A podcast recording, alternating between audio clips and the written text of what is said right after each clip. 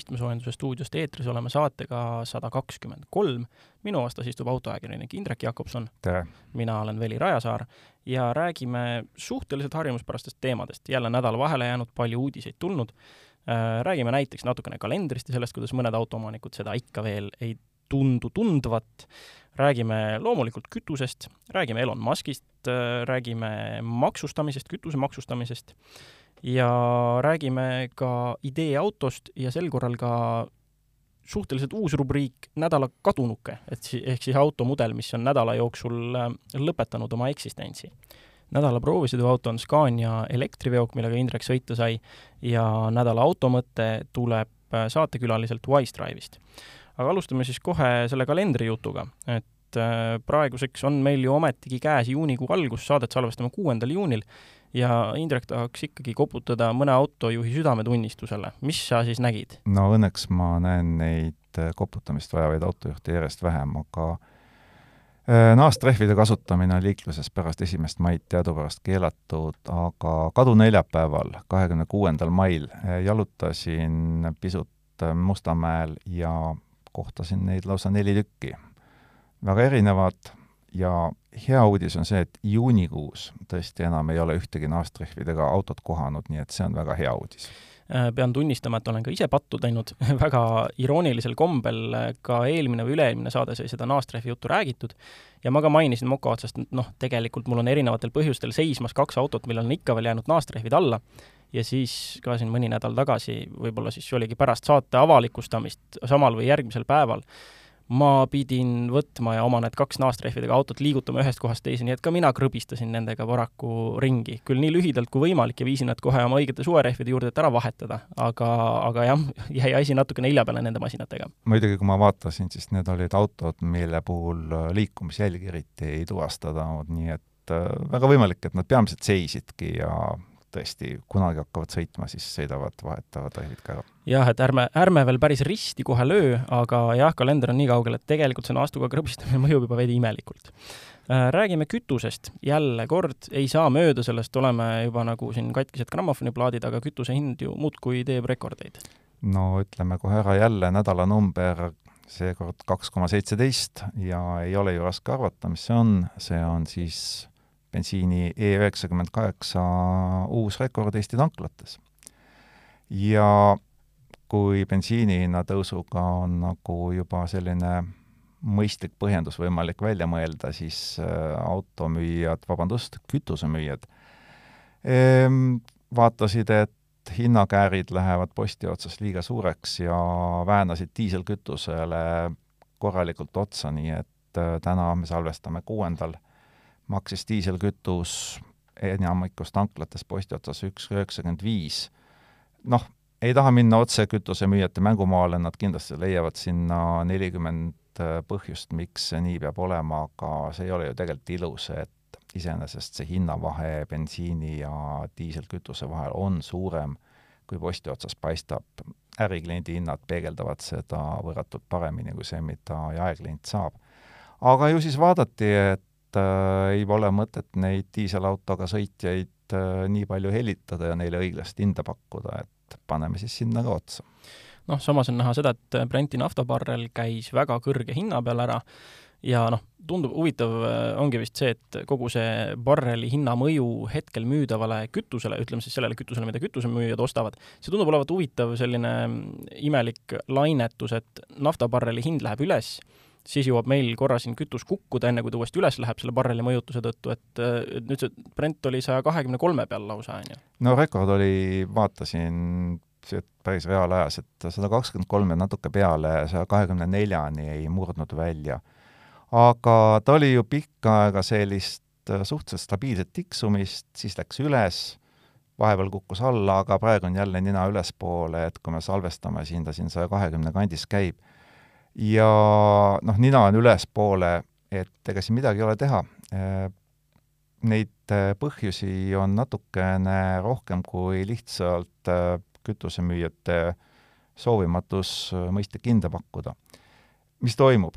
Euroopa Liit võttis vastu kuuenda sanktsioonide paketi ja see tähendab seda meie jaoks ennekõike, et Vene nafta ost meritsi ja ka selle edasimüük on edaspidi keelatud.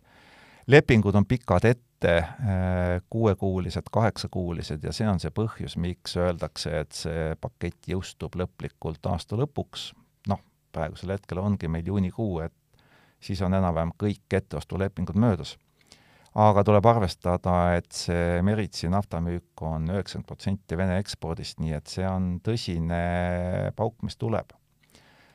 Oleme rääkinud, et OPEC lubas tõsta tootmist kuni kuussada viiskümmend tuhat barrelit päevas, aga praegu on see alles lubadus ja nad lubavad ka ainult juuli-august seda teha. Venemaa tootmine on juba langenud, nad toodavad praegu miljon barrelit vähem Äh, üldse, kui nagu aru saada, mis see miljon on, siis Euroopasse läks varem neli miljonit barrelit päevas, ehk siis juba veerand sellest Euroopasse minevast mahust on ära kukkunud. mis edasi saab, on kaks sõnumit, äh, Fitch Ratings ütleb, et kaks-kolm miljonit barrelit kukub Venemaa toodang veel, venelased ise ütlevad, et nad juulikuuks on algtasemel tagasi, no meie seda lubadust väga ei usu. Ja ega Ameerikas on ka reservide vabastamine samas määras äh, kogu aeg üks miljon barrelit päevas, see on ka ajutine, sest ega ühel hetkel saavad need reservid otsa ja siis äh, muutub asi jälle natuke stabiilsemaks. noh, pluss siis see mainitud Brent juba, mis aasta aega tagasi oli kusagil seitsekümmend dollarit ja nüüd on siis tõusnud niisugune kaheksakümmend protsenti. et eks see paneb ka veel oma paugu seda üles-alla käimist me saame siin jah, tõenäoliselt päris, päris pikalt jälgida, et kindlasti selle aasta lõpuni ja edasigi veel. Aga noh, samas äh, Ameerikast äh, kostab ka neid appikarjeid ja kõik, et kütus nii kallis, nii kallis, meie, eurooplased, vaatame sinnapoole ja mõtleme, kurat, oleks meil ka nii odav. no ameeriklased äh, räägivad kütusehindadest viimasel ajal ainult pisar silmis, aga võib aru saada, sest nendel on aastaga täpselt pool hinnale juurde läinud. et noh, Ameerika on väga suur maa ja seal on kütusehinnad äh, Hawaii'l ja Alaskal hoopis teised, mis kusagil keskläänes, aga riigi keskmine, Ameerikal on superhea statistika, iganädalaselt tulevad nii hinnad kui tarbimine ja riigi keskmine on neil praegu äh, neli koma kuuskümmend kaks dollarit üks gallon. Ameerika gallon, see on siis äh, kolm koma seitse kaheksa viis liitrit, et see Briti oma on üle nelja poole ja noh, kuu aega tagasi oli see neli koma seitseteist ja aasta tagasi ainult kolm, nii et pool ennast juurde, kui meie räägime, et meil on kolmkümmend viis protsenti või nelikümmend protsenti paagile juurde tulnud, siis ameeriklastel on veel rohkem. aga kui me paneme selle nüüd liitritesse, eurodesse, arvutame ümber, siis me saame üks koma üks kolmkümmend viis eurot liiter. ja selliseid hindu posti otsas ma ei mäleta, no kunagi olid, aga see ja, oli väga-väga ammu. kümmekond aastat umbes, ma ei ja, tea. nii et äh, nende pisarsilmil nutmine on natukene meie jaoks krokodillipisarad, aga jaa, aga samas noh, proportsionaalselt, proportsionaalselt võttes tõesti on ju, neil viiskümmend prossa, meil kolmkümmend viis kuni nelikümmend on ju, et noh, selles mõttes saab nagu, saab nagu aru, aga noh, siis tuleb ka mõelda, mis on seal keskmine palk, on ju, ja nii edasi. aga no see selleks on juba veidi keerulisem majandusülesanne, hästi lihtne on võtta jah, tõesti neid protsente vaadata ja samas vaadata ka neid hindasid, et üks koma üks euri liitri eest võtaks isegi, palun tänan, aitäh aga noh, äh, praegu on nüüd laual ju ka igasugused kütuseaktsiisi vähendamise jutud, et äh, mis uudiseid meil selles vallas siis on? no las poliitikud kõigepealt panevad koalitsiooni paika ja siis äh, mõtlevad, mis nad aktsiisiga edasi teevad või ei tee, et äh, poliitikasündmuste prognoosimine on suhteliselt kasutu tegevus, ootame ära, räägime. jah, täna on igast asju lubatud, aga veel saab, saab näha, kas tegu on populismiga või, või tõesti sealt midagi ka tuleb. aga vahepeal tuli välja Euroopa maksuteatmik ja seal olid äh, suhteliselt huvitavad andmed äh, selle kohta, et kus meie siis Eestis baseerume, et äh, kui me räägime kütuseaktsiisist, siis Euroopa Liidus on teadupärast miinimummäär et äh, mootoribensiinil on see kolmsada viiskümmend üheksa eurot siis äh, tuhande liitri kohta ja diiselkütusel kolmsada kolmkümmend eurot tuhande liitri kohta. noh, umbes äh, niimoodi praeguse hinnaga võrreldes on see aktsiisi miinimummäär no vaevalt mõnikümmend protsenti. ja kui me vaatame nüüd äh, neid määrasid, mis on Eestis, ja Eestis on meil praegusel hetkel viis, viissada kuuskümmend kolm eurot tuhande liitri kohta. selle tulemusega me oleme Euroopas kaheteistkümnendal kohal eespoolt, nii et viie rikkama riigi kohta või viie rikka riigi hulka varsti ei ole midagi puudu. ja kui me vaatame diiselkütuse aktsiisi, mis on praegusel hetkel meil nelisada üheksakümmend kolm eurot liitris, siis me oleme Euroopas kuuendad. Ja see ei ole enam üldse okei okay., et äh, siin on täiesti mõistetav, lätlased alandasid kütuseaktsiisi, kas bensiini on vaja alandada, see võib lõhnata populismi järgi, aga diiselkütuse puhul küll on mul tunne, et vahepeal on natukene vint üle keeratud ja me oleme oma maksustamisega läinud kaugemale, kui tahaks aga selliselt doom and gloom teemalt äh, räägime vahepeal ka suvest ja üritustest, et on läinud ilmad ilusaks ja igasugused autoüritused muudkui tulevad, noh, on, oleme ju isegi pidanud ära jätma siin mõned saated, sellepärast et küll on Indrek lennus mingil ajakirjanike autoüritusel, küll olen seda mina, aga ka igasugused autoüritused, üritused Eestis äh, täitsa toimuvad, et äh, sel suvel, mida mina näiteks väga ootan, Youngtimer Camp jälle toimub, mis ta meil oli juuli lõpus, ma ei mäleta, kolmkümmend juuli, kolmkümmend juuli kutsun üles kõiki, ei ole üldse makstud teadaanne, aga ikka kutsume üles kõiki, kellel vähekenegi sõidukorras auto vanem kui tuhat üheksasada üheksakümmend seitse aasta väljalase, siis tulge, näidake, kõigil on hea meel. Äh, mina kutsun üles, äh, tulge võtke minu MR2-ga ja minuga mõõtu, olen ka see aasta tagasi, olen väikeste alla kaheliitriste klassis, kaks võistlusklassi on Timetacil, ja väike selline disclaimer siia juurde, mida veel eelmisel aastal päris mitmed ei teadnud, et Timetacil osalemisel see kahekümne viie aasta reegel ei kehti tegelikult. et noh, mul on, mis mul on kakskümmend üks aastat vana auto, aga mina võin seal juba osaleda näiteks. selgituseks neile, kes ei tea, mis on Timetac äh,, Youngtimer Camp, mis on siis äh, youngtimerite ehk üle kahekümne viie aastaste autode iga-aastane kokkusaamine Laitse rallipargis. seal on äh, väga, väga mitmekülgne programm ja üks osa sellest on siis võidu sõitmine sealsamal ringrajal ja kahes autoklassis. Jah, sinna on siis tehtud ainult asfaldi osa kasutav sõit, et ta vanuritele liiga ei teeks ja saab täitsa muhedalt ja mõnusalt sõita, see on selline nökerdamine. aga see on üritus, mis on tulekul, räägime sellest, mis on olnud. Äh, näiteks, äh, mis see nüüd oli, juba üle-eelmisel nädalal, äh, laupäev oli, reede. reede ja laupäev käisid näiteks Eestis Nordic Viper klubi liikmed peaaegu viisteist autot, Dodge Viperite fanaatikud, siis erinevad põlvkonnad, kokku viis põlvkonda masinaid on Dodge Viperit. Ja käisid siis Eestis ja tähistasid omal kahekümnendat klubi juubelit.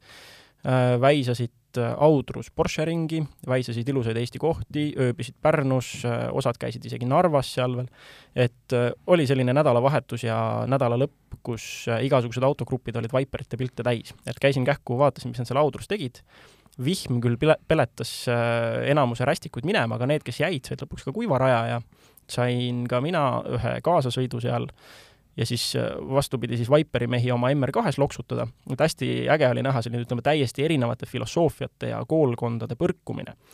et noh, Viperit teadupärast on ju kõige väiksem Viperi mootor on kaheksaliitrine V10 ja kõige suurem kaheksa koma nelja liitrine vabalt hingav V10.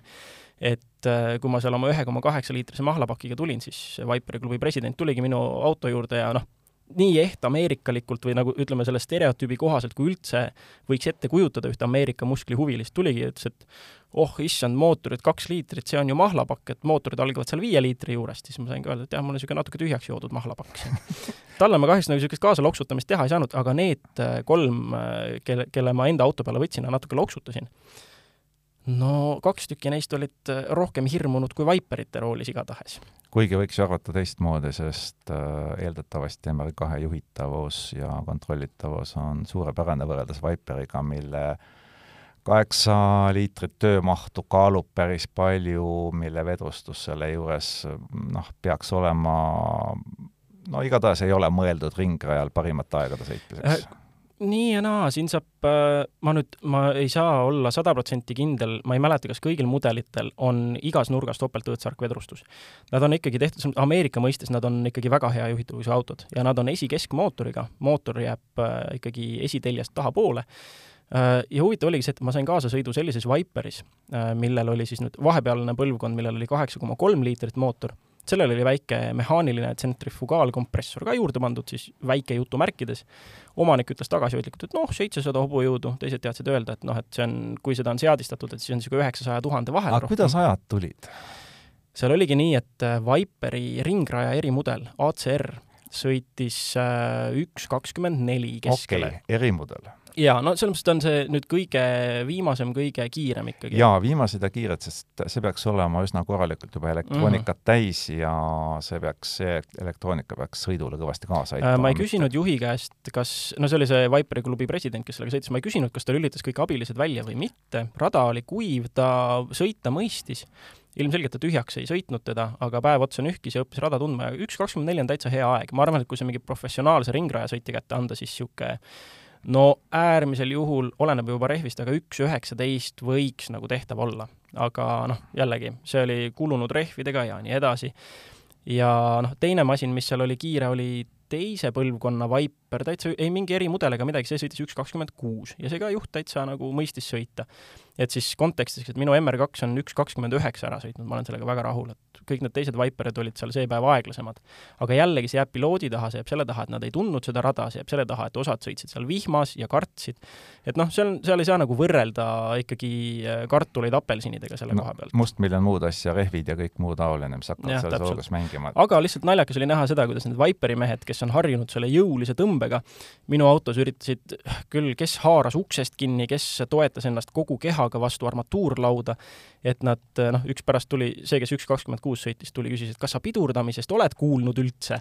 et ta vaatas, kuidas igale poole käis sisse lend niimoodi, et väike pidurivajutus ainult ja juba oli minek suure hooga, et tema samamoodi kraapis seal ja hoidis, üritas ennast kinni hoida, et noh, ma ütlen, filosoofiate ja koolkondade kohtumine ja hästi tore ettevõtmine selles mõttes, et ja samas tuleb äh, au anda sellele, kuidas võimsus ikkagi teeb ka puudused trajektooris tegelikult sellisel rajal tasa. seda oli näha, kuidas see härrasmees, kes mulle oma selle peaaegu tuhandejõulise Viperiga sõitu tegi, ta ei teadnud selle raja trajektoorist midagi. ta ei sõitnud neid kurve selles mõttes tühjaks, ta ei olnud kurvides pidamise piiril, aga kui ta välja kiirendas, siis ta, noh, tema sõitis vist mingi üks kolmkümmend kaks, midagi sellist. ja noh, ikkagi oli see, et ta tõmbas kõik selle aja seal sirgetel tasa, see auto lihtsalt läks. ja ta ei olnud selline mõrva, noh, mõrvavahend, nagu Viperite kohta räägitakse. ta oli nüüd ikkagi, kui Apexis oled, vajutas lihtsalt toorelt gaasi põhja ja see auto ei tahtnud kuskile poole astuda ega midagi. väga stabiilne tegelikult, et äh, kahju ainult, et ei avanenud võimalust ise proovida, aga, aga mulje jäi ikkagi, et ei ole see mingi mõrvaaparaat? no ma arvan seda, et ega see mõrvaaparaat ei ole niisama väljamõeldis, et tõenäoliselt on sellel ikka oma põhjus ja kui me meenutame esimest põlvkondi, siis äh, noh, ikkagi oleme ausad, see juhitavus, mida elektroonika kontrollida ei suutnud ja samas, eks ole, väga suur võimsus ja mitte alati kõige kogenum juht, siis noh, see Seda võis tegi-, see, see komplekt ümber, lihtsalt äh, ei pea alati no, paika. esimese puhul, esimese põlvkonna puhul see lesestaja kuulsus tuli sellest, et esiteks on ju, no muidugi see suur mootor, teiseks null juhiabi, kolmandaks äh, igasugused turvapadjad puudusid äh,, igasugune elektrooniline abi puudus ja neljandaks see, et äh, see mootori üle kuuesaja Newtonmeetrine pöördemoment oli saadaval suhteliselt madalalt, niisugune kolm tuhat pööret. Ja, ja ta ongi hästi nagu noh, ta, ta ei ole nagu niisugune litaki, aga ta on, kui ta tuleb, siis ta tuleb ja ta on. ja kui sa teda sel hetkel kinni ei püüa, siis ta on vägagi ohtlik asi. et ma vaatasin ise ka, et äh, mis hetkest alates nagu see kuulsus nagu ära hakkas kukkuma, siis tegelikult sellest hetkest, kui tulid kõik elektroonilised abimehed, mida me kirume, aga see paratamatult tõi, noh, liiklusohutuse statistikas tõi seda oluliselt allapoole. absoluutselt. aga räägime ühest teisest V-tähega autost veel, mis äh, toimub Volvo tee tandril?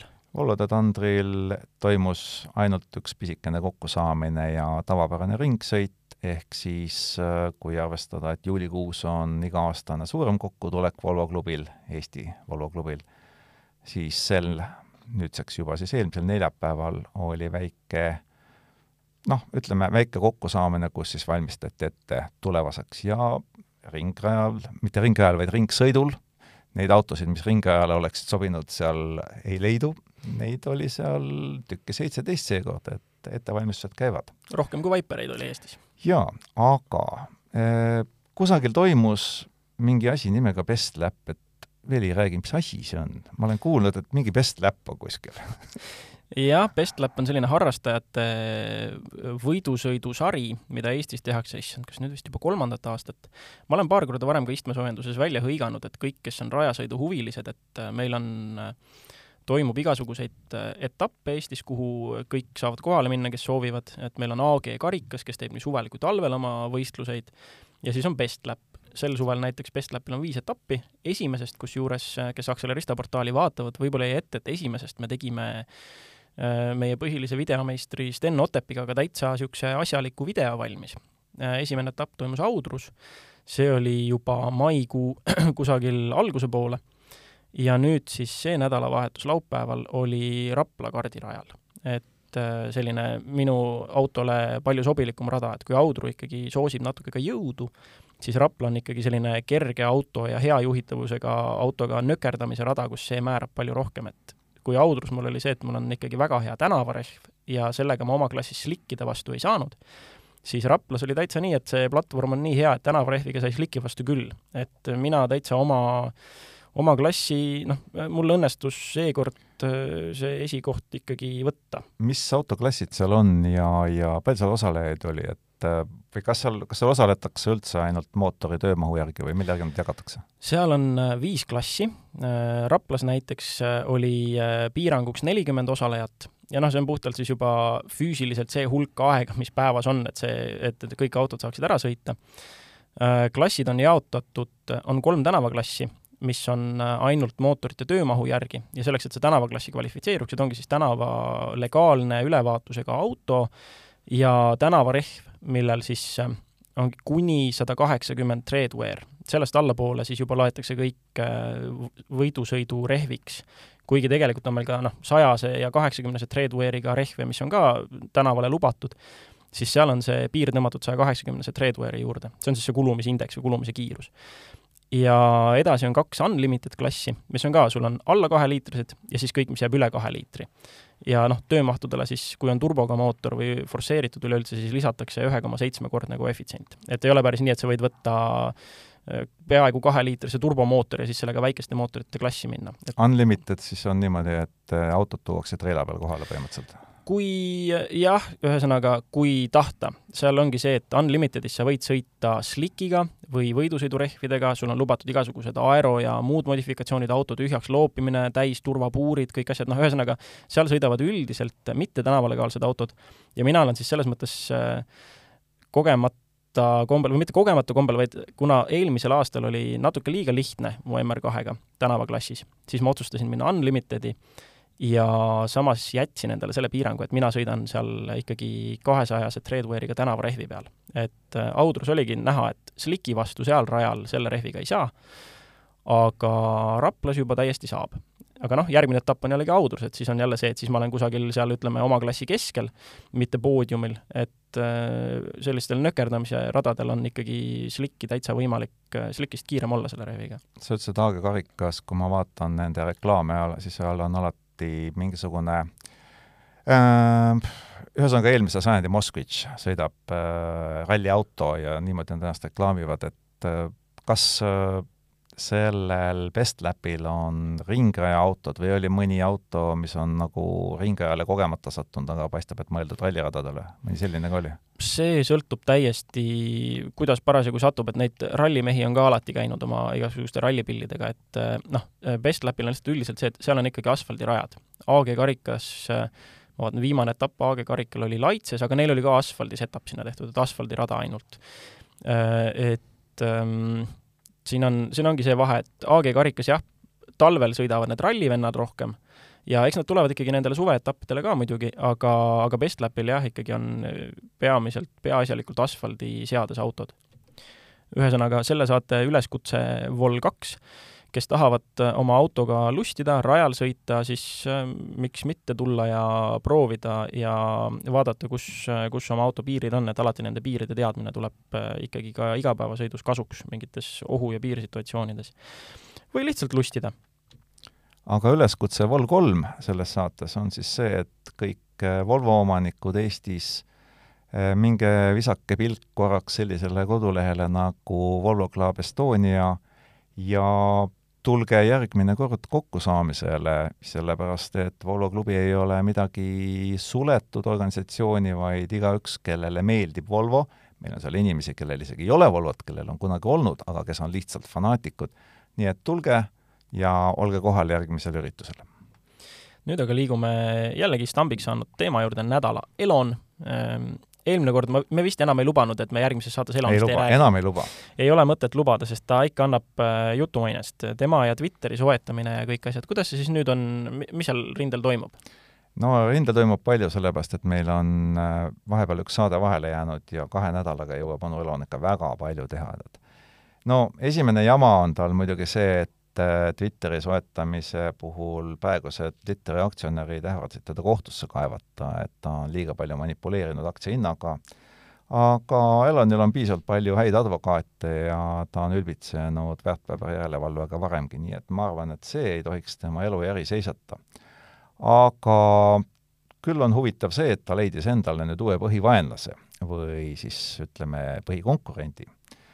et kes see võiks siis olla Eloni meelest, mis sa arvad, Veli, kes võib olla Eloni ja Tesla põhikonkurent, põhivaenlane, ütle, ütleme otse ikka Elon ja Tesla koos vaadatuna. ma, ma, mul on kaks mõtet, üks on äh, ei no pagan, Volkswagen AG ei saa olla, nad ei tee nii head tööd, et aga Tesla... hakkavad tegema no,, neil on jah. palju vaba raha äh,. Ideeliselt ma tahaks pakkuda mm, sedasamustki Riviani, aga äh, samas äh, mind tirib ka Hiina poole, sest Hiina väga jõuliselt, no e-, Elonil läheb küll ja Teslal läheb Hiina turul suhteliselt hästi, aga seal ikkagi ka vupsab neid äh, elektriauto tootjaid üha rohkem, kes teevad suurt tootmist.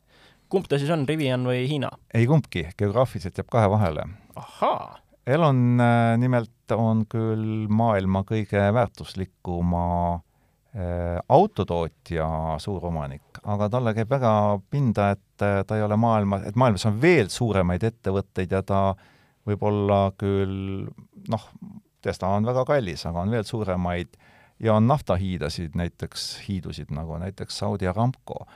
ja eks selle vastu tuleb võidelda, sest Saudi Aramco turukapitalisatsioon on Tesla omast äh, paar korda suurem, nii et Elonil on arenguruumi, aga noh, Herdis on ilmselt väga solvunud selle peale, et teda Elon üldse enam oma vastaseks ega konkurendiks ei pea teda.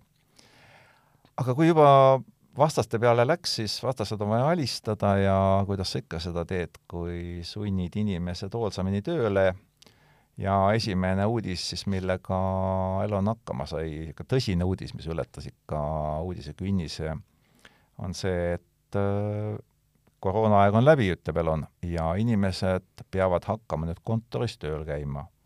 ei mingit kodukontorit, nelikümmend tundi vähemalt ja muidu kolm punkti ja seda infot ta erandkorras Twitteri vahendusel ei jaganud, et see läks ainult see meili teel eh, oma töötajatele.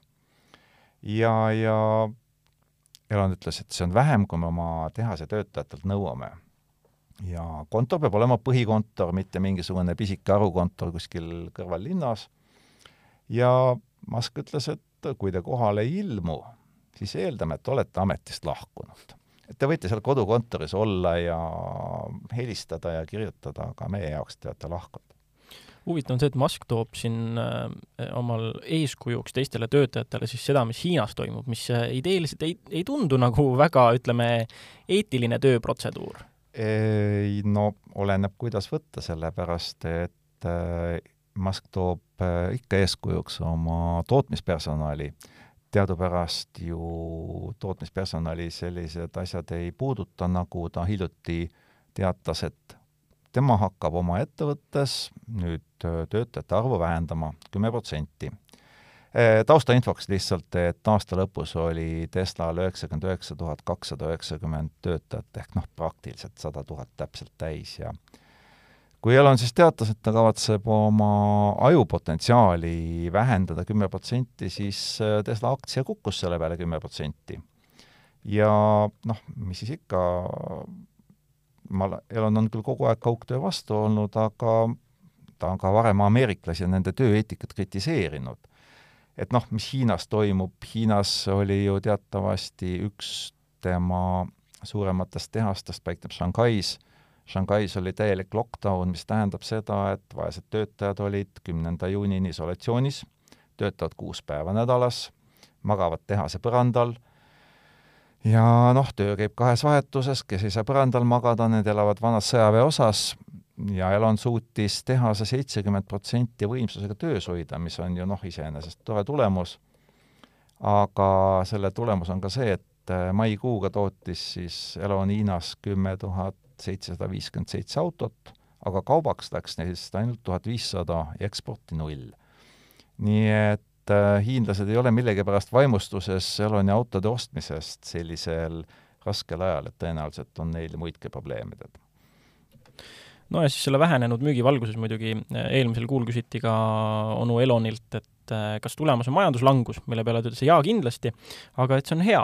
tema siis näeb seda niimoodi, et äh, need õhku täis firmad lähevad pankrotti ja see noh, eks, eks see ongi talle ju ometi ainult hea. ta ennustab, et langus kestab kaksteist kuni kaheksateist kuud ja siis otse tsitaat The bullshit companies go bankrupt. ilus, et, et jah. ta kindlasti ilmselt öö, oma firmasid nende hulka ei loe. Järgmiseks aga mingis mõttes uudisrubriik, nädala personaliuudis ehk siis mis on toimunud autotööstuse mõne olulise ettevõtte et äh, ühesõnaga, mõni märkimisväärne muutus personalis ja selleks seekord on meil Dacia. Dacia kaotab äh, aasta jooksul juba kolmandat korda oma disainijuhi, et Milles Nürnberger, kes on tulnud Aston Martinist, kus ta töötas äh, päris kaua, eks ole, ja ta oli selles rollis jõudis olla ainult üheksa kuud ja nüüd siis on sellises hädas sunnitud Dacia disaini kauaaegne asepresident ise seda meeskonda juhtima hakkama.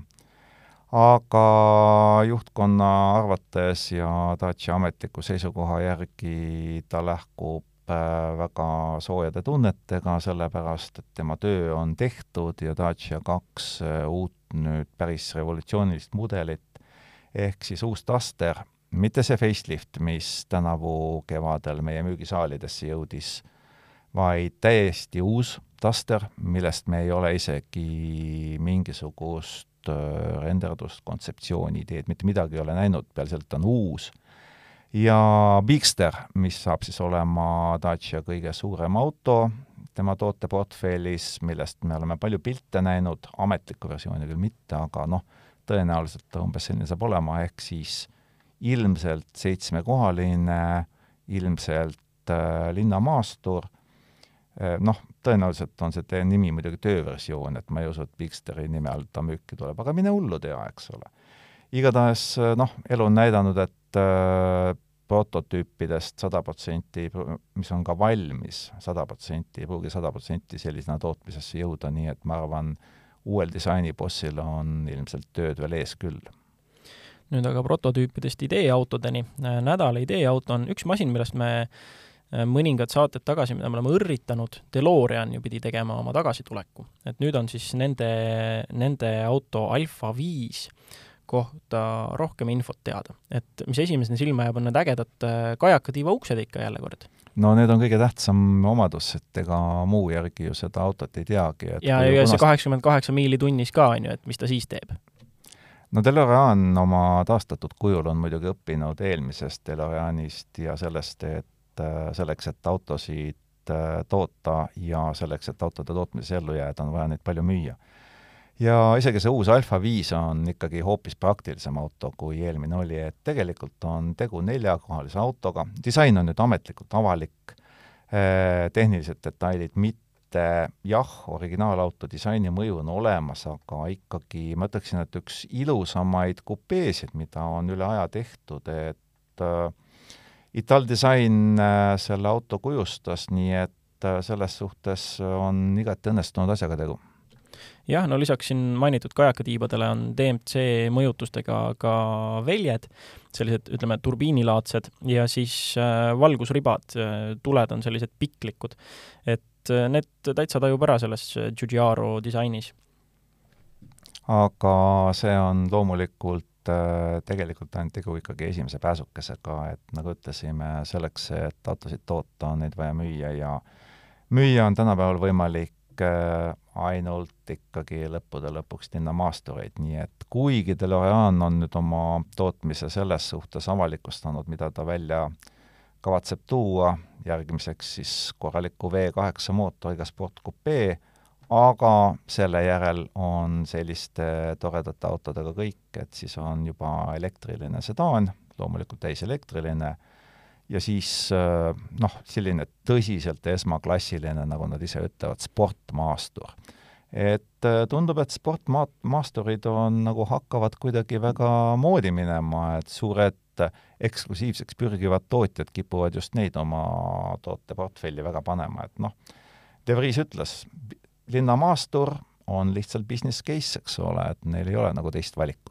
Jah, ja veel väike lõbus äh, infokild, et seda esimest Alfa viie seeriat äh, lubati toota, ma ei teagi siis, kuidas see nüüd tuleb, kas erimudelina või kuidas, aga seda lubati teha siis kaheksakümmend kaheksa eksemplari, et siis äh, kes veel esimesest kaheksakümne kaheksa viitest kinni ei haaranud, et siis see on, see on viide loomulikult tagasi tulevikufilmile, kus siis kaheksakümmend kaheksa miili tunnis oli see maagiline kiirus, mille pealt siis see auto ajahüppe sooritas. aga edasi on meil veel kaks äh, juba suhteliselt tootmisküpset autot, millest rääkima peab eks neid autosid on ju tegelikult rohkemgi olnud, aga pea, pidime mingisuguse valiku tegema ja äh, MX ehk siis BMW teisest ajaloos M-seeria autost me oleme varemgi rääkinud, aga nüüd siis BMW M-divisjoni tegevjuht Frank Meel tegi suu lahti ja ütles äh, vastuseks kõigile ajakirjanikele, et miks nii ja mitte teisiti. et otse tsiteerides, kui tegime M1, siis see oli selline aeg, kui iga autofirma, kes tahtis öelda, et mul on midagi erilist, tegi sportauto. sest noh, see oli segment, kuhu kõik tahtsid siseneda, see oli kuum. ja kui me vaatame tänapäeval kõige suuremat, kõige olulisemat, kõige kiiremini kasvavat segmenti, siis see on maasturite segment, aga meil siin BMW M-divisjonis, meil puudus selline luksuslipulaev eh, M-divisjoni tipus ja nüüd on see olemas, et noh, ta ütleb otse välja, et kui varem meeldisid inimestele sportautod, siis nüüdseks on nad maasturitesse armunud ja noh, autotootjad loomulikult pakuvad neid igas kujus ja suuruses.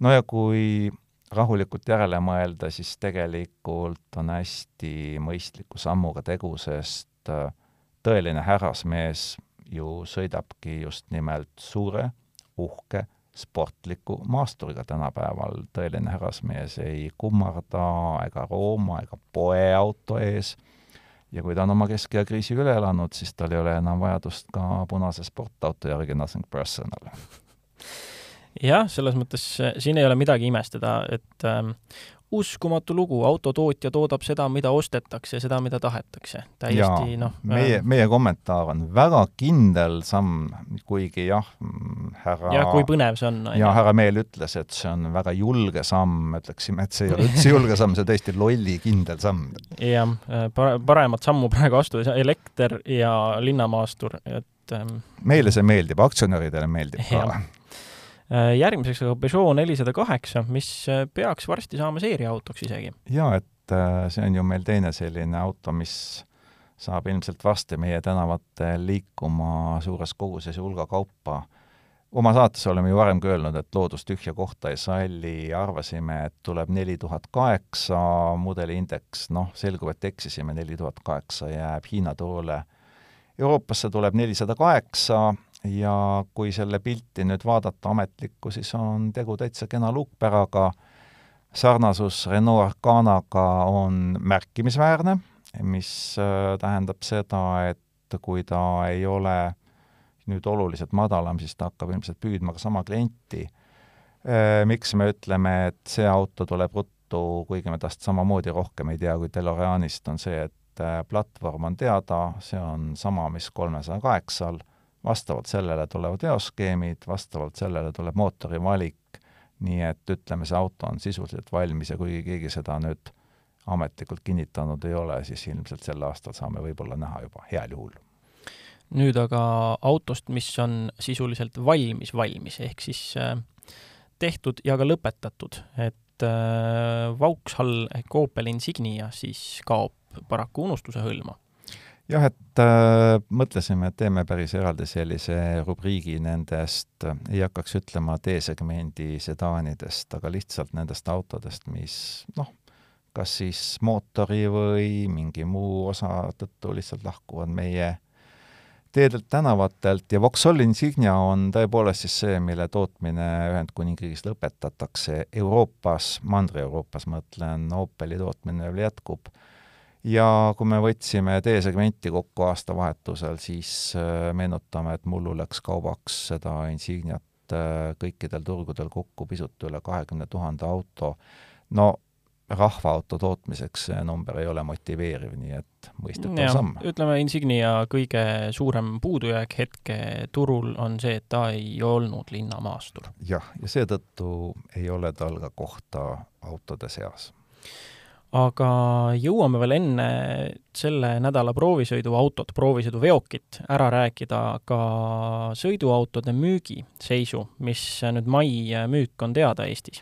mai müük on Eestis teada ja see on üllatavalt hästi läinud, et see on peaaegu eelmise aasta maikuu tasemel, kaubaks läks kaks tuhat ükssada seitsekümmend neli autot ja seda on eelmise aasta maiga võrreldes ainult üks koma viis protsenti vähem, aga muidugi tuleb arvestada, et kakskümmend üks aasta mai oli juba päris tõsine koroona, noh, ikka inimesed olid juba natukene mures ja noh, see, et äh, maasturid populaarsust koguvad, see ei ole uudis, see, et kõige müüdum autoklass on keskmise suurusega linnamaastur, see ei ole uudis, noh, siin peab muidugi silmas pidama, et keskmise suurusega linnamaastur Euroopa mõistes, mitte Ameerika mõistes.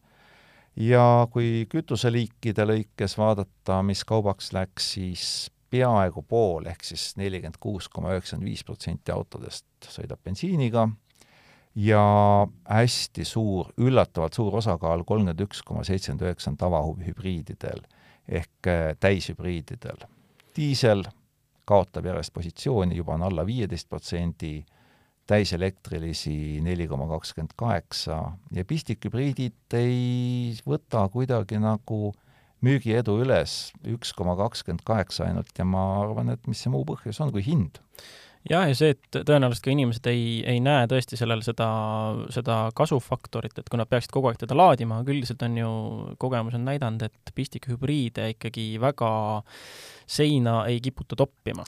No me tegime ju ise eksperimendi ja kirjutasime sellest Acceleristas, et kui auto oli pisut pikemat aega kasutuses, siis äh, saada täis akuga auto esindusest oli tore ja ükskord teda laadida ka, aga pärast mõtlesin, et ei viitsi, et noh, niikuinii on, sõidab hästi ja miks ma pean tema laadimisega veel vaeva nägema, nii et aga kui lühidalt veel kokku võtta, siis automarkidest loomulikult Toyota teistest peajagu üle, viissada seitsekümmend kaheksa autot läks müügiks, no järgmised Škoda Volkswagen, kakssada viiskümmend seitse, kakssada kakskümmend kolm. isegi kokku ei ole nii palju kui Toyotal? jah, isegi kokku ei ole nii palju ja esikolmik samamoodi jälle mudelite esikolmikus ainult Toyota, kõige rohkem RAV4, siis CHR ja viimasena Corolla. aga siin tuleb muidugi nüüd arvestada, et kõikide nende autode puhul on üks väga suur äh, mõjutaja Bolt. et äh, registrisse ju tulnud sada kakskümmend kaheksa elektriautot, aga see tähendab omakorda seda, et Bolt väga jõuliselt elektrifitseerib oma autoparki äh, Toyota võitis neil väga suure konkursi, nii et äh, kui palju sealt eratarbimisse noh, üksikisikute kätte jõuab, seda nagu praegusel hetkel ei oskagi öelda. Äh, kähku võib ette lugeda ka müüdud elektriautode tabeli, kuna see on väga aktuaalne teema see, see neli koma kakskümmend kaheksa protsenti jagunes siis, kõige rohkem müüdi neli, neliteist tükki Audi e-trooni, kaheksa tükki oli Audi e-tron Sportbacki ja siis äh, seitse ja kuus ja viis oli järjest Škoda Enyaqi äh,, Kiia EV6 oli kuus tükki, Volvo XC40 oli äh, neli, oli kuus tükki ja Porsche Taycani läks viis tükki kaubaks. ja üllatav on see, et äh, Tesla Model kolme oli üksainukene uus, aga ilmselt siin on küsimus pigem registreerimise knihvides, et kuna Teslat Eestis ei müüda ametlikult, siis äh, nad kvalifitseeruvad pruugitud autodeks ja tarbesõidukeid läks äh, vaid üksikud sõidukid see, sel kuul kaubaks. jah, et läks, kui ma ei eksi, vist üks elektriline kaubik ja siis üks elektriline suur veoauto. no see on jälle niisugune linnukese kirja saamine lihtsalt äh, rohelises transpordis. aga rohelisest transpordist rääkides me jõuame nüüd äh, nädala proovisõidu veoki juurde ja see on siis äh, Vol- äh,, Scania, mis ta siis äh, ametlik nimi on? P kakssada kolmkümmend. kakssada kolmkümmend, P kakssada kolmkümmend. täiselektriline veok, see on äh, A Le Coqi käsutuses ja see on siis äh, sa said seda proovida nüüd siin ja. eelmisel nädalal. mis ta endast kujutab siis? no tegelikult kujutab ta endast hästi paljus äh, tavalist äh, Scania veokit. ehk et äh, võtsime eest äh, kõik paneelid lahti, mida võtta andis, ja sealt vaatavad vastu täiesti tüüpiline pilt, radiaatorid on jäetud samaks, ehk et noh, need võimas suur akupakk vajab jahutamist korralikult, jahutussüsteem on sama, kahekümne nelja voldine elektrisüsteem on sama ja loomulikult on sama kogu veoskeem. mis on muudetud, tõepoolest, kütusepaakide asemel on akud ja mootori, diiselmootori asemel elektrimootor, kusjuures isegi see on paigutatud, võtsime jällegi plaadid eest ära, ronisime auto alla, vaatasime, kuidas välja näeb, ja need on paigutatud nii, et isegi kardaanvõll on jäetud täpselt sama pikaks, ehk et noh, maksimaalne unifitseerimine diiselmootoriga autoga võrreldes. no ühesõnaga, siin on näha ka seda, mis ju paljud elektrisõidukite tootmisel alguses tegid ka, et ikkagi kohandad seda, mis on olemas, aga minu jaoks põhilised küsimused ikkagi elektriveoki kui sellise puhul on see, noh, ma eeldan, et kui seal on väga palju sama, siis nii sõidumugavus kui kõik muud asjad seal äh, sõitjate ruumis tõenäoliselt on samad, mis diiselanaloogil, aga mis see hinna ja sooritusvahe siis on? esiteks hinnavahe. no hinnavahe on äh, umbes kolmekordne, et äh, jutud neljakordsest hinnavahest päris ei pea paika, et kui võtta täpselt samasuguses konfiguratsioonis samasuguse kastiga auto, siis äh, kui neid hindasid võrrelda, siis noh, ütleme nii, et diiselmootoriga auto maksaks kusagil sada kakskümmend tuhat, ja see maksaks umbes kolmsada viiskümmend tuhat, kui võtta letihinnad. et see on üks viimase ja kallimaid äh, proovisõiduautosid, millega meil Accelerista autorite seltskonnast keegi sõitnud on? no minu jaoks vaieldamatult kõige kallim. aga nüüd see sooritusvõime osa äh, noh, ma ütlen jälle oma äh, ebaprofessionaalsed eelarvamused kohe välja, mina mõtlen, et noh, et esiteks on ju, et ta on kõvasti kallim, teiseks see, et et ähm, no see sõiduulatus peab ikkagi diisliga võrreldes olema masendav ja selleks, et see sõiduulatus isegi kuidagiviisi võrdväär oleks, peab ta ju olema jõhkralt raske, mis omakorda siis võtab jälle kõik need boonused ära, et kas see on siis nii masendav, see lugu, kuidas on sõiduulatuse mass? oleneb, mida, äh, mida masendavaks pidada. akusid, äh, pean silmas kõrgepinge akusid, on siis kokku kolmesaja kilovatt-tunni jagu mida on noh, niimoodi keskmiselt neli korda rohkem kui korralikul sõiduautol, et kui me meenutame õudusi e-Crafteriga, kus oli võetud e-Golfi selline pooletoobine aku pandud peale, siis ei olnud ime, et see nagu eriti kaugele ei sõitnud. et äh, samas selle auto kulu, elektrikulu on sada kolmkümmend kilovatt-tundi saja kilomeetri kohta, no meenutame seda, et Tesla Model kolm paremad mehed sõidavad kolmteist kilovatt-tundi sajale, ehk siis täpselt äh, kümme korda väiksema kuluga. ja kui nüüd see vahemaa ära jagada, siis noh, mis sealt välja tuleb, kakssada ja hästi natuke peale, et noh, Tartust Tallinnasse igaks juhuks ei riskeeri sõita, kui tikupoisis peatust ei tee. aga see auto ongi mõeldud ainult Tallinna linna, selles mõttes, et A Le Coqil varem enda autosid ei olnud, nad ostsid transporditeenust sisse ja Tallinna linna sees ta katab selle vahemaa ära. aga kui rääkida siin nüüd äh, kasulikust äh, kandevõimest, auto täismassist, siis seal tegelikult äh, suuri muudatusi diisliga ei ole, et kui hästi niimoodi kirvega lüüa, siis auto mass on tonni võrra suurem kui diislimootoriga autol ja kandevõime ainult tonn väiksem.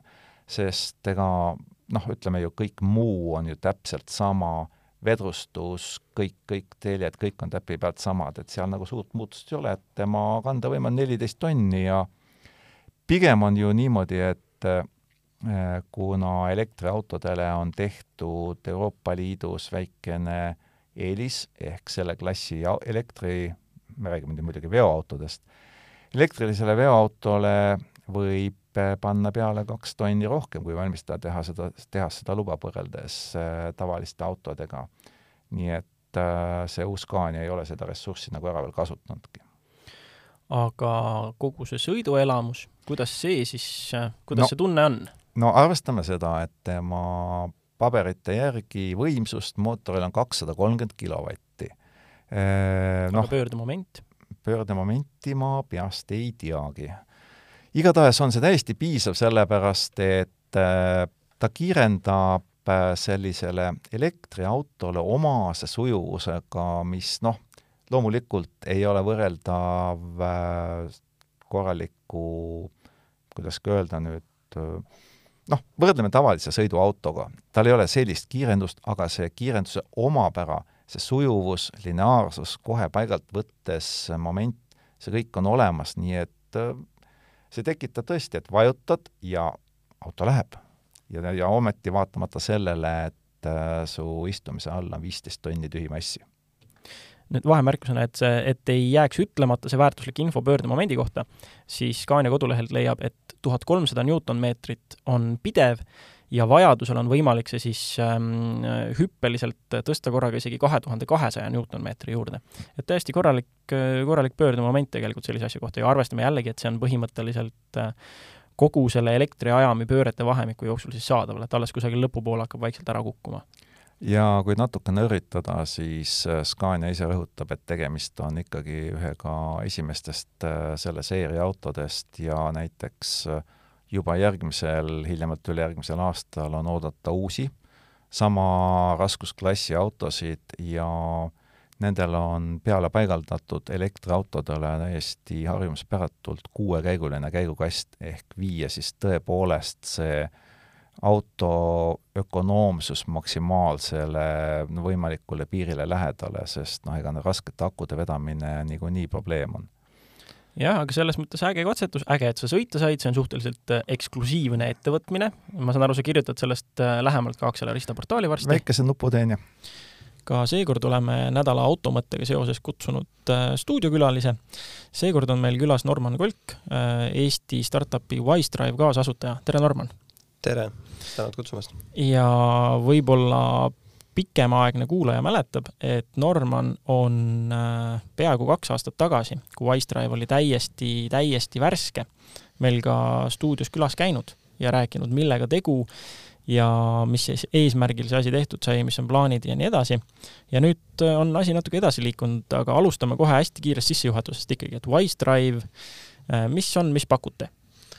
Wisedrive on siis äh, noh, inglise keeles online marketplace, mis see siis tähendab, on see, et me aitame siis autoomanikel, kellel on siis kas remonti, hooldust, ülevaatust, rehvivahetust, pesu või keretöid vaja, leiame neile siis äh, usaldusväärsed töökojad. et äh, oleme loonud siis sellise keskkonna. ja mis nüüd siis nende kahe aastaga muutunud on, kuhu te omadega nüüd äh, jõudnud olete? no me oleme jõudnud päris palju edasi, et me olime ikkagi väga värsked, meil oli vist kuu aega selleks ajaks olnud toode väljas, kui me siin viimane kord käisime ja me oleme väga palju keskendunud just tootearendusele, et aidata siis reaalselt ka töökodadel oma protsesse äh, paremaks muuta. et äh, autoomaniku jaoks on niisugune noh, loogiline ja hea lahendus, et sa tuled, valid välja ja lähed kohale, aga seal taustal käib päris palju tööd ja meie eesmärk on olnud siis äh, just see töökodade pool, et, et nendel oleks mugav nii kliente teenindada ja, ja nüüd oleme ka nii-öelda numbrid päris hästi liikuma saanud just, just selle aasta algusest äh,. numbrid, aga kuidas siis äh,, kuidas siis nende numbritega on, palju teil aktiivseid kasutajaid praeguseks on? Äh, hetkel on keskkonnas kuskil kolm pool tuhat äh, autoomanikku, äh, aktiivseid neist siis, seda aktiivsust on nagu täna raske mõõta, kuna väga palju tuleb igakuiselt juurde ja igakuiselt sa võib-olla seda süsteemi ei kasuta, kui sa just ei käi täna autot pesemas ja ülehomme hoolduses. aga meil on kuskil kolmkümmend viis, nelikümmend protsenti igakuiselt inimesi, kes siis, äh, kes on juba süsteemis ja kasutavad uuesti. ja, ja nüüd ütleme, mais me sihime juba siis sellist kahesaja broneeringu äh,, siht on siis nii-öelda kakssada broneeringut saada. et äh, seal suunas ja noh, viimati, kui ma käisin, siis meil oli niisugune kakskümmend viis töökoda, täna on meil siis sada viiskümmend teenusepakkujat keskkonnas okei okay,, see on juba täiesti korralik kasv, äh, kakssada broneeringut, selle kohta ma küsin, see on siht siis mis aja peale? kuu kuus kakssada, mhm. selge. ja teie keskkond, see on siis, ma saan aru, et peamiselt ikkagi mobiilirakendus, on ju? Äh, ta on, ta on täna ikkagi veebirakendus. Äh, nüüd meil ongi plaan, kuna me kaasame raha hetkel, siis meil ongi plaan nüüd teha esimene siis äh, mobiiliäpp või noh, esimene versioon siis sellest mobiiliäpist ja kuna meil enamus inimesi ikkagi kasutab seda asja mobiiliveebis, aga mobiiliveeb ei ole päris see, mis on äpp, et siis äh, kliendi mugavust nii-öelda parandada. ja Indrek, ma saan aru, on tegelikult meil täitsa Wisedrive'i kasutaja ka, sa oled seda veebikeskkonnas äh, külastanud, proovinud asju ajada, kas sul on sellega seoses ka mingeid küsimusi? no ma kõigepealt küsiksin seda, et äh, keda te näete oma konkurentidena või et miks äh, teil nii hästi või nii halvasti läheb täpselt, kui läheb, et äh, arusaadavalt meil on väga palju teenusepakkujaid teist otsapidi, on Eestis väga palju autosid, no kes kõik vajavad hooldust, vajavad erinevaid teenuseid. et keda te näete konkurentidena? no Eestis ütleme, konkurente äh, me täna otseselt ei näe, on ka, on küll olnud siin selliseid äh, sarnaseid keskkondasid, kes on üritanud midagi teha ja on ka võib-olla hetkel natuke väiksemad, aga ütleme, et äh, noh, välisriikides seda konkurentsi jagub, nii siis läänes kui ka siin Euroopas ja Indias ja, ja mujal, aga ütleme, et noh, see on, see on natuke kaugel, et Poola on meil nüüd järgmine plaan, kuhu me tahame laieneda, seal on konkurent ees mis on ka meie jaoks siis laienemise puhul oluline, et me reaalselt lähme kuskile keskkonda, nii-öelda kuhugi riiki, kus kus siis äh, keegi on juba nii-öelda seda teadlikkust tõstnud klientides, et seda tegelikult uue tulijana on päris raske teha. see võtab natuke aega. Aga kui mehhaniseeritud see protsess nüüd seal taustal on, et äh, oletame noh, rääkides oma kogemusest, ma olen äh, saanud ka negatiivse kogemuse seetõttu, et minu soov oli lihtsalt nii spetsiifiline mm, -hmm. minu auto oli selline, mida keegi ei tahtnud isegi kaugelt vaadata. et äh, mis te, kas te pakute sellisel juhul ka näiteks sellist custom-made lahendust või midagi muud taolist? no täna meil on, ütleme, et me ikkagi, kui on reaalne huvi kliendil, siis me üritame ikkagi leida võimalikult hea lahenduse vastavalt siis kliendi nii-öelda rahalisele võimekusele kui ka ajalisele nii-öelda sellele piirile et me ikkagi, meil on inimene tööl, kes siis tegeleb klientidega, kes helistab neile, kes küsib neilt asju. me ei ole suutnud seda täiesti ära automatiseerida ja tundub, et see on ka selline valdkond, kus peab jääma nii-öelda see customer support või kliendi tugi alles, et alati, alati inimene ei oska kirjeldada ka võib-olla, mis ta autol viga on, et siis oleks hea lihtne kellegiga rääkida ja meie siis taustal saame selle asja nagu ära korraldada see kõlab äh, väga hästi, aga rääkige natuke tegelikult oma firma ajaloost, et ega te ju ometi kaks aastat tagasi ei ole asutatud, et on teil mingi pikem track record huvitavaid asju minevikust ka rääkida? Äh, no ütleme nii, et jah, Wisedrive sai asutatud ametlikult siis äh, kaks tuhat üheksateist september, aga me asutasime ta sellel nimel, et selle eesmärgiga, et siis saada esimene nii-öelda ingelinvesteering peale. Kevin, minu siis co-founder temaga alustasime kaks tuhat kakskümmend jaanuaris siis täiskohaga äh, ja see oli siis see aeg, kui me hakkasime panema nii-öelda seda toote, tooteskoopi kokku ja, ja siis valmis nii-öelda see toode siis esimest korda kaks tuhat kakskümmend juuli. Äh, et see oli täpselt niisugune pandeemia esimene laine, väga huvitav aeg, käisime töökodades rääkimas, keegi tegelikult ei tahtnud väga nagu isegi kuulda millestki. et äh, aga saime hakkama ja, ja, ja siin me oleme. ja nüüd ma kuulsin, et te olete raha kaasamas, kas teil on ametlik äh, raha kaasamise voor või see toimub selline veel sõprade, sugulaste käest? no meil on täna niimoodi, et me kaasame äh, Funderbeami platvormilt, mis on siis ühisrahastusplatvorm, täna küll on see äh, nii-öelda privaatvoorus, mis tähendab siis seda, et kõigil, kellel on minu kaudu siis tekkinud see link, saab siis oma huvi seal märkida et äh, kui kellelgi on huvi, võib alati minuga ühendust võtta ja seda infot saab nii-öelda jagada. aga kui suur see teie ambitsioon seal nüüd üldse on, et avame natuke kaarte, kui veel linki käes ei ole? Äh, Funderbeamist on plaan tõsta, noh, nii-öelda kogu, kogu ring on täna meil seitsesada viiskümmend tuhat eurot, äh, Funderbeamist on plaan tõsta siis viissada viiskümmend, et meil on juba eelnevalt siis investoritelt mingisugused nii-öelda commitment'id olemas ja ilmselt see Funderbeam voor läheb siin paari nädala jooksul ka avalikuks, ehk siis äh, siis juba kõik saavad äh, märkida, kes tahavad, kes ei ole privaatvoorus nii-öelda ligi saanud asjale. et te olete siis suunanud oma rahastuse laienemisvooru peamiselt äh, erakapitalile ja väikeinvestorile äh,? täna küll jah, et äh, ja kuna me näeme, see on, see on ka natuke võib-olla äh, strateegiline, et äh, kuna inimene, kes omab autot ja võib-olla näeb ka probleemi või tunneb seda oma, omal nahal, mida me lahendame, kui ta investeerib natuke, et siis ta kasutab seda, ta võib-olla soovitab oma sõpradele, et ta on ka natuke selline äh, meile kasulik nii-öelda kliendibaasi tõstmiseks. Ja nüüd, kui te suudate soovitud rahastuse kokku saada, siis mis see, mis see nii-öelda suur äh, järgmise aasta plaan on, kui, kuidas ja kuhu te plaanite laieneda? Või kas te panetegi selle rõhu just ikkagi koduturule või vaatate kohe juba väljapoole või kuidas teil see plaan on? jaa, meil esimese hooga ongi kohe siis äh, see esimese äpi versiooni arendus, et äh, seal midagi väga keerulist ei ole, me saame ta suhteliselt lihtsasti turule ja saame esimeste klientidega testida.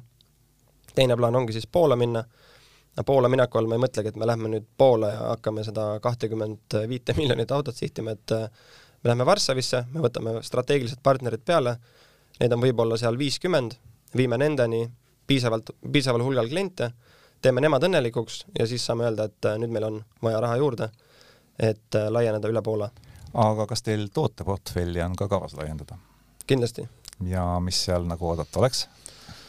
no toodet on siin vaja päris palju arendada, et äh, eks see üks tooteosa ongi see äpp äh,, et klient saaks lihtsama vaevaga kiiremini teenuse endale ära broneerida, et ta saaks ka maksta selle teenuse eest võib-olla läbi meie ähm,.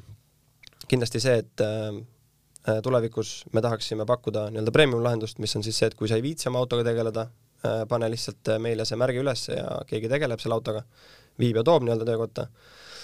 ja seal on väga palju veel nii-öelda, mis äh, täna on võib-olla natuke äh, vara rääkida. kas äh, Wise muidu on maailma mastaabis äh, ütleme siis pigem uudne idee, kas Eesti on siin kuidagi vist nagu teerajaja või on, äh, on juba toimivaid lahendusi kusagil mujal ees, millelt teie jälle šnitti võtate? on päris palju tegelikult äh, erinevaid variante ees, et äh, esialgu, kui see idee tekkis, siis me arvasime, et me teemegi mingit väga suurt innovatsiooni, aga pikema guugeldamise peale või oskuslikuma guugeldamise peale tuli välja, et on, on ikkagi konkurente. ja just seesama autotranspordi teema, et Indias on üks hea konkurent, kes, kellel on siis põhimõtteliselt, sa lähed sinna lehele, Äh, sa paned oma ostukorvi kokku, mis sa tahad, autole kojamehed, autopesu, autohooldus, sa näed selle hinna ära, vajutad telli, keegi võtab sinuga ühendust, toob su auto, võtab peale, viib ära, toob tagasi ja su auto on pu-, äh, puhtaks pestud, uued kojamehed ja hooldus tehtud, et äh, sa usaldad nii-öelda seda keskkonda, et sul ei olegi vahet, kus kohas see auto täpselt nagu hoolduses käis. no et ühesõnaga siis one-stop shop ja sellist äh, funktsionaalsust, mis sa just kirjeldasid, võiks laias laastus äh,, kui raha kokku saab, oodata siis ka teilt no ütleme, et me saame seda piloteerida, me oleme seda tegelikult täna juba teinud, et äh, meie tänased investorid, mõned mugavamad inimesed, kes ei, kes väärtustavad oma aega ja ei näe, et see lisatasu eest autotransport on väga nagu suur, suur investeering, et äh, me teeme seda juba täna, aga pigem nagu väga, väga väikses mahus. väike testiülesanne, et äh, kas teil on partnerite seas, ma pean silmas töökodasid, ka margiesindusi, sest äh, näiteks äh, Volkswagen armastab oma autodele mõnikord panna külge selliseid kojamehi, mida tavapärases B-varude äh, osas, kus B-varu osade hulgas kuidagi ei leia, lihtsalt sellepärast, et sa läheksid esindusse ja ma arvan, et selliseid oma arust kavalaid firmasid on veelgi, et mida te sellises olukorras teete? meil on tegelikult täna peamised esindused peal, et Möller on küll üks nendest, kes ei ole peal ja Inchcape ja United, aga ütleme, et äh, Škoda, Amserv, äh, Top Auto, Viking Motors, abc, kõik on peal. ja eks me näeme ka, et nemad tegelikult tahaksid nii-öelda seda kasutatud auto klienti tagasi saada ja võib-olla uue auto klient on lihtsalt mugav ja tahab läbi meie broneerida siis esindusse aega. et meie esmane hüpotees oligi see, et kui me suudame esindusele lisandväärtust pakkuda, siis me kindlasti suudame ka iseseisvale töökojale ja kui nüüd veel lõpupoole veidi kaugemas perspektiivis unistada, et Funderbeamist saate raha kokku, Poola laienete, millal võib äh, oodata, et te muutute aktsiaseltsiks ja saab teie aktsiaid vähemalt First North alternatiivturul näha? mm,? jah, see on hea küsimus, selle peale ei olegi väga pikalt mõelnud, et pigem on plaan hoida ennast äh, nii pikalt private equity ettevõte nagu võimalik, äh, küll Funderbeam on mingil määral siis selline, ta ei ole küll börsiettevõte, aga no ütleme, et seal ikkagi jaeinvestor saab indikeerida, aga ma arvan, me ikkagi lähme jah edasi sellega, et me kaasame fondidelt, sest fondidelt kaasates me saame strateegilisi partnereid, kes aitavad meil kaasa mõelda toote osas, laieneda ja, ja nii-öelda viia see startup siis järgmisele tasemele aga loodame, et Wise Drive'ist saab üks äh, järjekordne väga tore Eesti asi, mis äh, lendab kõrgelt ja kaugele. selline oli meie saade järjekorra numbriga sada kakskümmend kolm. aitäh Normanile, et külla tulid ja aitäh kuulajatele! Kuulmiseni! aitäh!